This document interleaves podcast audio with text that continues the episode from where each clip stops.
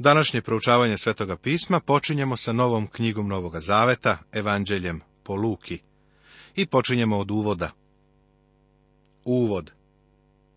Pisac. Luka je bio voljeni i dragi lekar iz poslanice Kološanima 4.14. Pozdravlja vas, dragi lekar Luka. Koristio je više lekarskih termina nego Hipokrat, otac medicine izbor i odluka Svetoga Duha da Luka napiše treće evanđelje, ukazuju na to da nijedan pisac Svetoga pisma nije bio slučajan. Izbor Luke je bio nadprirodan. Nije bilo mnogo mudrih koji su bili pozvani, ali Luka spada u ovu kategoriju. On i Pavle su, očigledno, bili na visokom intelektualnom kao i duhovnom nivou. Ovo delimično objašnjava zašto su putovali zajedno i zašto su očigledno brzo postali prijatelji u gospodu.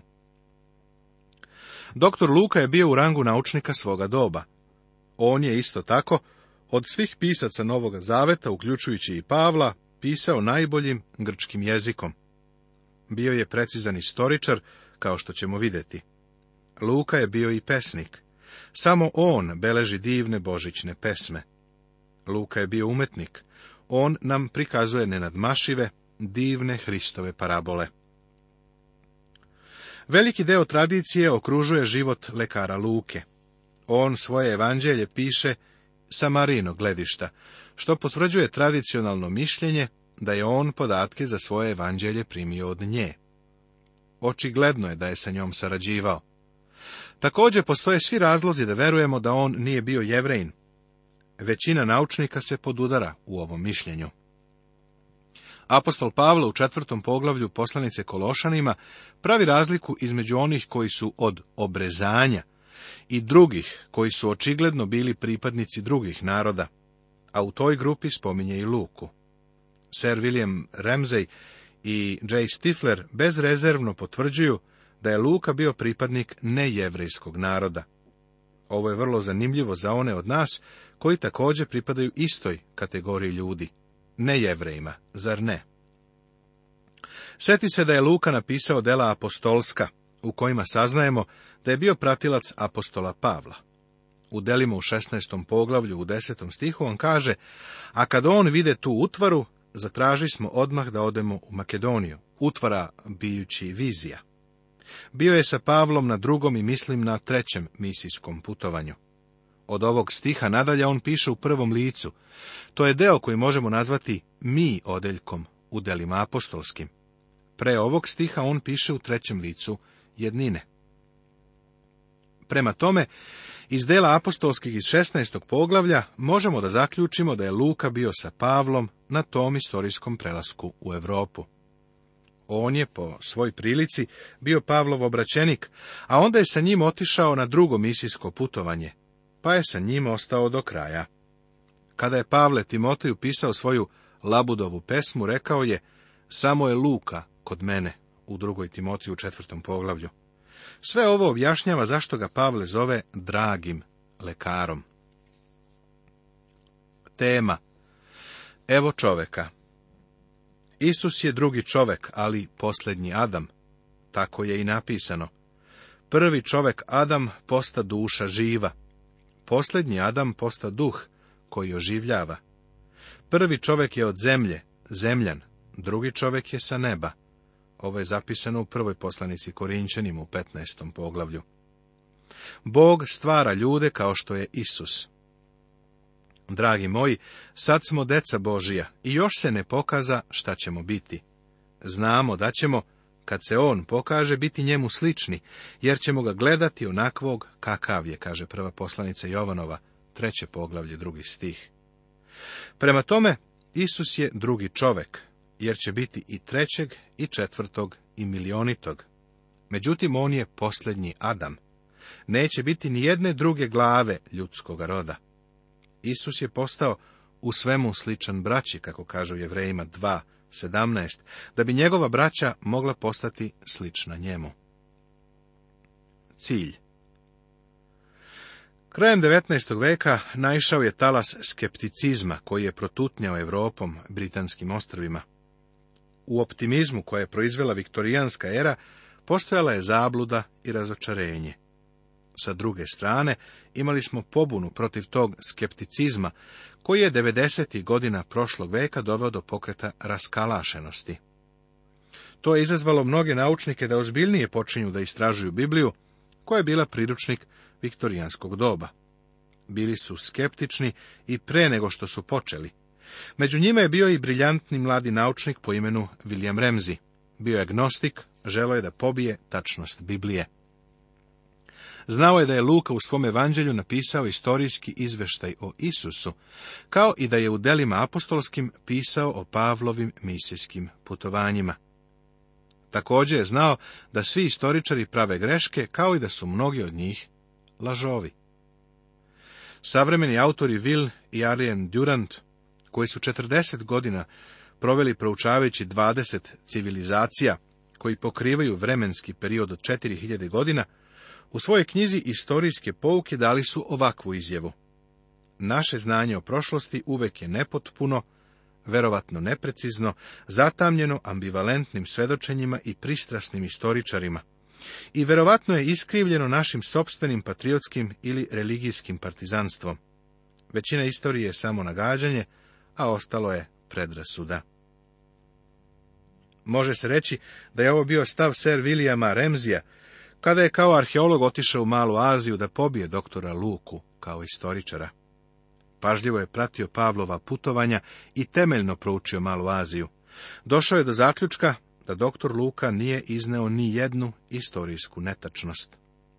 Ovo otkriće je dovelo do toga da je William remzi postao vernik i on je o Pavlovim putovanjima i o crkvama u Maloj Aziji napisao neke izvanredne knjige. Doktor Luka je svoje evanđelje napisao sa dvostrukim ciljem. Prvo, njegov cilj je bio literarni i istorijski. Od sva četiri evanđelja, Lukino je najkompletnije istorijsko kazivanje. U njemu ima sveobuhvatnijih pozivanja, informacija o institucijama, običajima, geografiji i istoriji, nego i u jednom drugom evanđelju.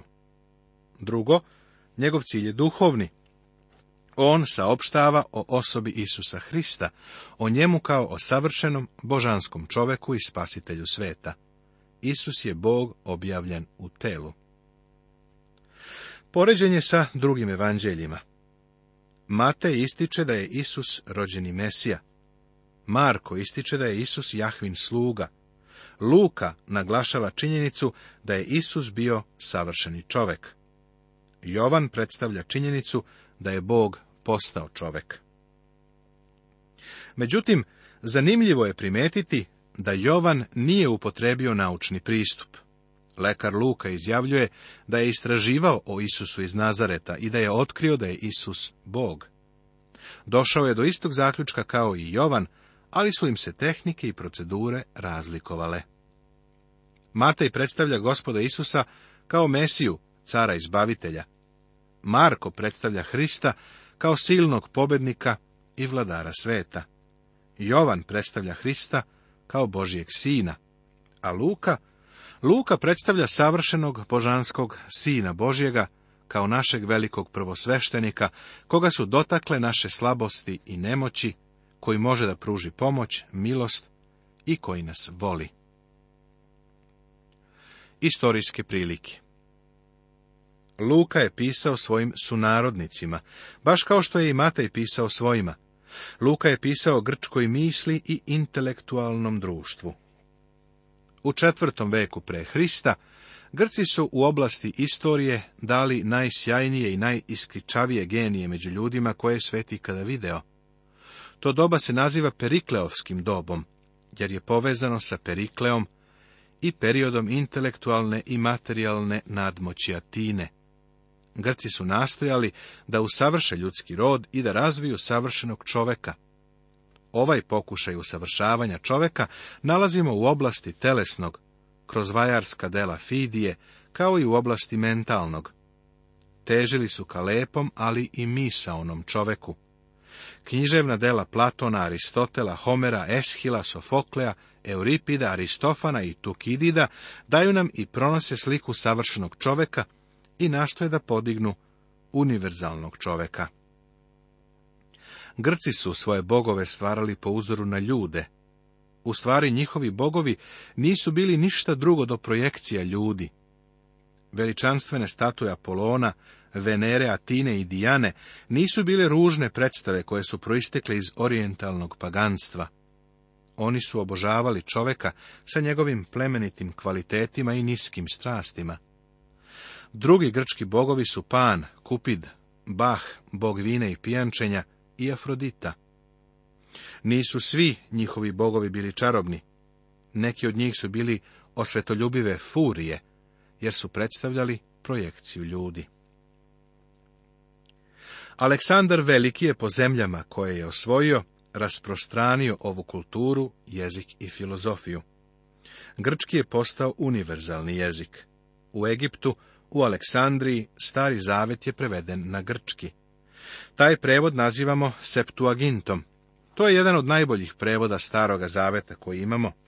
Novi zavet je pisan na grčkom. Grčki jezik je obezbedio sredstvo izražavanja i komunikacije evanđelja svim ljudima.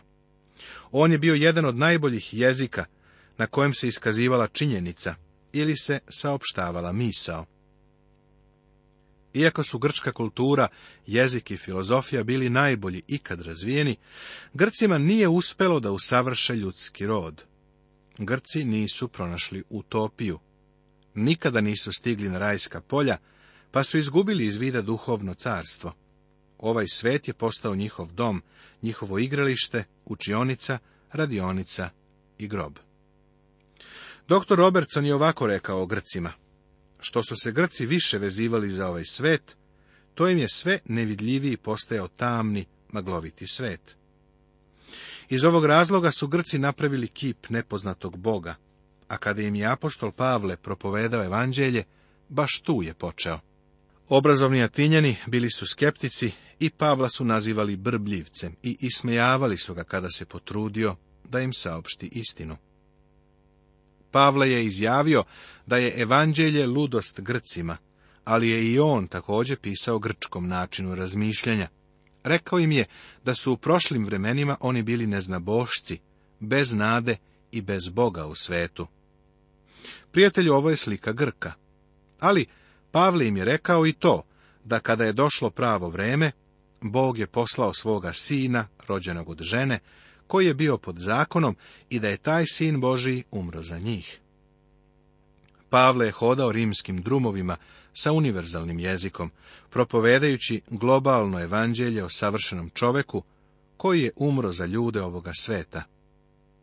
Izraelska religija je mogla da stvori samo fariseje, moć Rima je mogla da proizvede samo Cezara, a grčka filozofija je mogla da dovede samo do univerzalnog džina, kakav je bio Aleksandar Veliki, koji je u svom srcu ostao samo dete. Baš tom i takvom grčkom umu pisao je Luka. Isusa Hrista je predstavio kao savršenog čoveka, univerzalnog čoveka, baš kao samu onu osobu za kom su Grci tragali. Posebna obeležja iako je Lukino evanđelje jedno od sinoptičkih evanđelja, ono sadrži mnoga obeležja koja su propuštena u Marku i Mateju. Doktor Luka nam daje i božićne pesme. Doktor Luka od svih evanđelja ima najduži izveštaj o devičanskom rođenju Isusa Hrista. U prva dva poglavlja daje nam bestidan akušerski izveštaj. Jasan i smeo izveštaj o devičanskom rođenju dao je baš lekar Luka.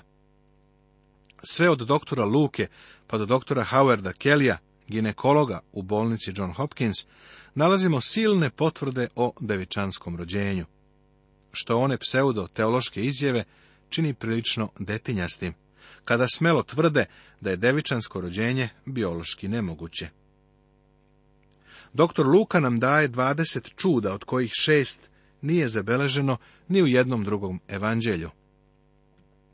Doktor Luka nam daje i 23 parabole, od kojih se 18 ne nalazi nigdje drugde. Parabola o izgubljenom sinu i dobrom samaričaninu su karakteristične za ovo treće evanđelje. Također nam pruža vrlo ljudski izveštaj o putu za Emaus, našeg vaskrslog gospoda. Ovo nam potvrđuje da je Isus i dalje bio ljudsko biće i nakon vaskrsenja. Doktor Luka pokazuje da vaskrsenje nije bilo samo vaskrsenje duha, nego tela. Isus je bio posejano prirodno telo, vaskrsnuto duhovno telo. Jasno osjećanje prožima ovo evanđelje koje nam otkriva stvarnu ljudsku Isusovu prirodu, kao i srčanu i hrabru naklonost ovog lekara prvoga veka, koji je iz prve ruke vrlo mnogo saznao o patnji čovečanstva. Doktor Luka koristi više medicinskih izraza nego Hipokrat, otac medicine. Poglavlje prvo Luka daje uvod svom celokupnom evanđelju. Beleži začeće Jovana Krstitelja i Isusa Hrista, savetino i Marijino proroštvo o Hristu, Jovanovo rođenje i obrezanje, Zaharijino proroštvo. Istorijski, doktor Luka svoje evanđelje počinje pre drugih sinoptičkih evanđelja. Nebo je čutalo više od 400 godina, kada je anđeo Gavrilo prošao kroz njegovo plavetnilo i došao do zlatnog oltara za molitvu, da bi objavio rođenje Jovana Krstitelja. Luka nam saopštava i pozadinu, kao i sama rođenje Jovana i Isusa. U ovom poglavlju imamo tri pesme, ili hvalospeva. Prvi je li savjetin pozdrav Mariji, drugi Marijin hvalospev i treće Zaharijino proroštvo. Cilj evanđelja Pošto su mnogi preduzeli da opišu događaje koji su se ispunili među njama, onako kako nam predaše oni koji su od početka bili očevici i služitelji reči, umih i ja, pošto sam sve tačno ispitao od početka, da ti napišem po redu, ugledni Teofile, da uvidiš istinitost onoga o čemu si poučen. U ovom odeljku su značajne dve reči koje ne smemo da previdimo. Očevici je grčka autoptaj. Auto znači ono što je samo po sebi ili samo od sebe, a psomaj znači videti. Sam videti je doslovno prevedena reč za očevica. Ovo je medicinski termin koji označava sprovođenje autopsije. U stvari, lekar Luka želi da nam kaže sljedeće. Mi smo očevici koji smo izvršili autopsiju, a ja ti pišem o onome što smo otkrili. Druga značajna reč koju doktor Luka koristi je služitelji, a to je grčka reč huperataj, koja znači veslač u čamcu na vesla. U bolnici ovaj termin označava lekara stažistu. Lekar Luka kaže da su svi oni bili samo stažisti pod velikim lekarom. Ono što doktor Luka govori jeste da kao lekar i kao naučnik on je sproveo autopsiju zabeleški onih koji su bili očevici. Prva četiri stiha ovoga poglavlja formiraju izvanredan početak. Luka je svoje evanđelje napisao da bi ljudima pružio sigurnost i uverenje o gospodu Isusu Hristu. Prijatelju, koliko si ti uveren? Da li znaš da si Božje dete kroz veru u Isusa Hrista? Da li znaš da je Biblija Božja reč? Žao mi je onih koji u ovo nisu sigurni. Da li se kolebaš i kažeš, nisam baš siguran u svoje spasenje ili u Bibliju, nemam dovoljno vere. Nepostojanje dovoljno vere možda i nije tvoj problem. Možda je tvoj problem to što ne znaš dovoljno. Vidiš, Vera dakle potiče od propovedi, a propoved biva Hristovom rečju, kaže poslanica Rimljanim u desetom poglavlju. Kad bi stvarno znao Božju reč, verovao bi joj. Oni koji ne poznaju Bibliju imaju problema. Nije problem u Bibliji ili u Gospodu Isusu Hristu, nego je problem u nama. Gavrilo se javlja Zahariji i nagoveštava Jovanovo rođenje. U vreme judejskog kralja Iroda beše jedan sveštenik po imenu Zaharija od Avijine krede i njegova žena od Aronovih kćeri po imenu Jelisaveta. Posle stotine godina čutanja, Bog nastupa. Hronološki, doktor Luka počinje novi zavet. Vraća se na rođenje Jovana Krstitelja, na vreme kada se anđeo Gavrilo javlja Jovanovom ocu Zahariji, dok je ovaj služio u hramu. Jovanovi roditelji su se zvali Zaharija i Jelisaveta. Zaharija znači Bog se seća, a Jelisavet znači njegov zavet. Zajedno njihova imena znače Bog se seća svoga zaveta. Kada je Bog dao zavet? Psalam 89. beleži Boži i zavet. Neću pogaziti zaveta svojega i što je izašlo iz usta mojih neću poreći. Jednom se zakleh svetošću svojom, zar da slažem Davidu? Seme će njegovo trajati do veka i presto njegov kao sunce predamnom. Bog se zakletvom zakleo Davidu da će jedan od njegovih potomaka zauvek vladati. Bog se seća svoga zaveta. Bog je spreman da prodre u istoriju ljudi nakon stotine godine čutanja. Nastavit će se.